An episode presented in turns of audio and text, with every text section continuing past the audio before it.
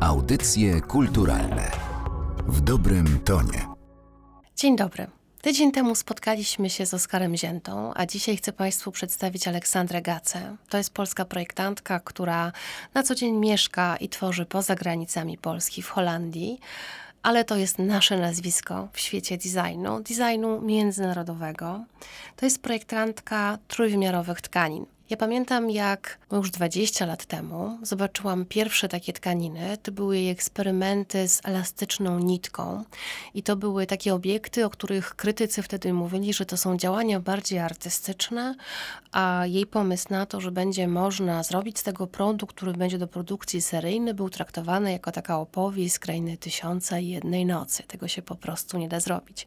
Historia designu zna wiele przypadków, kiedy twórca niezrażony opinią krytyków, ufał swojej intuicji, szedł dalej swoją drogą. I Aleksandra Gaca jest jednym z tych właśnie przykładów. Bo dzisiaj mówimy dużo o 3D, mamy ceramikę 3D, ściany 3D, różnego rodzaju panele, a ta jej historia to jest wprowadzenie już od ponad 20 lat trzeciego wymiaru w świat tkanin, a więc jeden z takich światów, który już na dzień dobry jest przez nas bardzo tradycyjnie postrzegany. Projekty Aleksandry Gacy łączą ze sobą proces projektowy, tradycyjny kunszt, jaki znamy z tkanin, i wprowadzają nowy język tych profesjonalnych krosin, takich współczesnych, które już są sterowane komputerowo. Czym innym jest projektowanie tkaniny dla dawnych, tradycyjnych krosien, a czym innym projektowanie pod e, maszyny, gdzie tak naprawdę trzeba dać maszynie wytyczne, w jaki sposób ma tkać tą tkaninę.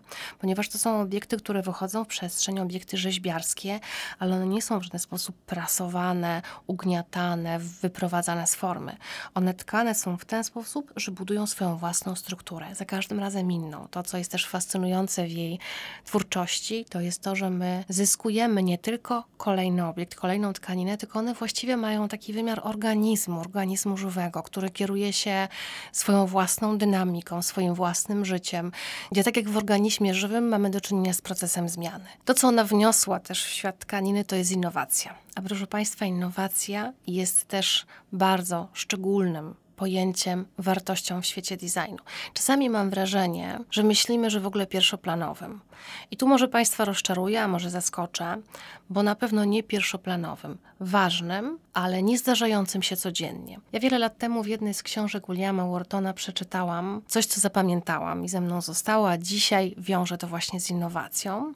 Ta myśl dotyczy tortu i William Wharton napisał, że tort jedzony codziennie staje się zwykłym ciastem. I to mi wtedy bardzo zadziałało na wyobraźnię, to było wiele lat temu i dlatego pamiętam, bo wiele różnych wartości w naszym życiu może mieć ten wymiar tortu i nie możemy tego zagubić. Innowacja jest tortem. Innowacja nie wydarza się codziennie, wydarza się raz na jakiś czas i na tym polega właśnie cała jej energia, cała siła, którą ona wnosi w naszą rzeczywistość. I te tkaniny 3D, które projektuje Aleksandra Gaca, które często są na styku sztuki, designu, świata modu, które funkcjonują też w takim świecie. Tkaniny Aleksandry Gacy mają szeroki wachlarz zastosowań. Otulają, są wykorzystywane w przedmiotach, są w meblach, są panelami ściennymi, w tym panelami akustycznymi, ponieważ jedną z ich dodatkowych wartości jest bardzo dobre pochłanianie dźwięku.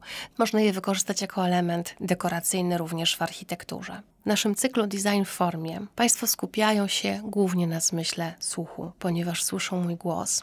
Ja staram się, jak mogę, opisywać Państwu projekty, nie tylko to, jak wyglądają, ale przede wszystkim to, czym są. Staram się odwoływać do Państwa zmysłów. Tkaniny Aleksandry Gacy mają w sobie jeszcze tą moc, że kiedy na nie patrzymy, nawet na zdjęcia, nie musimy widzieć ich przed sobą, mieć ich fizycznie, to ze sprawą zmysłu wzroku praktycznie od razu Państwo dotykają.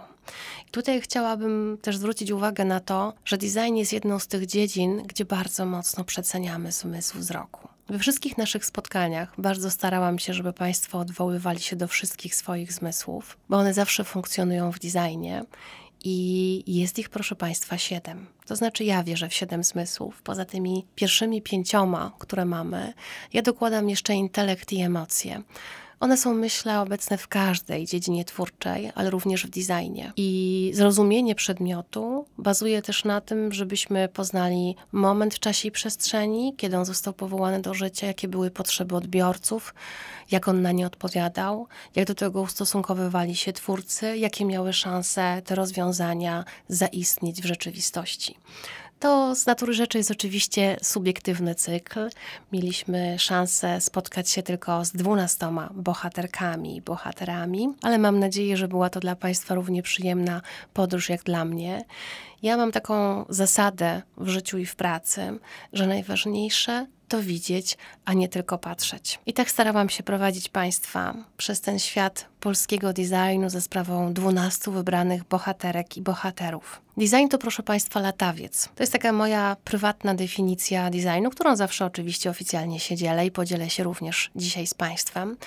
To jest to, co różni design od sztuki. Sztuka może wszystko, sztuka jest szybowcem. Sztuka może sobie pozwolić na oderwanie się od ziemi, na jakieś konteksty niezrozumiałe, na brak materializacji, na bardzo czytelny wątek autobiograficzny na przykład. Design ma zupełnie inne granice swojej wolności i dlatego design jest jak latawiec. Moje metafory i moje definicje zawsze są powiązane z jakimś przedmiotem, no bo nie da się ukryć, że przedmiotami się zajmuję i dlatego latawiec.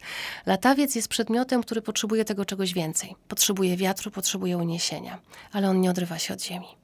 Jest sznurek, za który my trzymamy, a my idziemy albo biegniemy po ziemi. Mamy styk z rzeczywistością i to są takie trzy światy. Ziemia, świadomość tego, co dzieje się tu i teraz, nasza decyzja, czyli ręka, w której trzymamy ten sznurek i to wszystko, co nas unosi. I te trzy poziomy są bardzo potrzebne do tego, żebyśmy mówili o designie. Czasami jest tak, że bardziej się unosimy, czasem jesteśmy bliżej ziemi, ale to wszystko jest nam potrzebne. Ten cykl to był subiektywny wybór. Mam nadzieję, że ta nasza wspólna podróż była dla Państwa ciekawa i stanie się zachętą do dalszych eksploracji historii polskiego projektowania.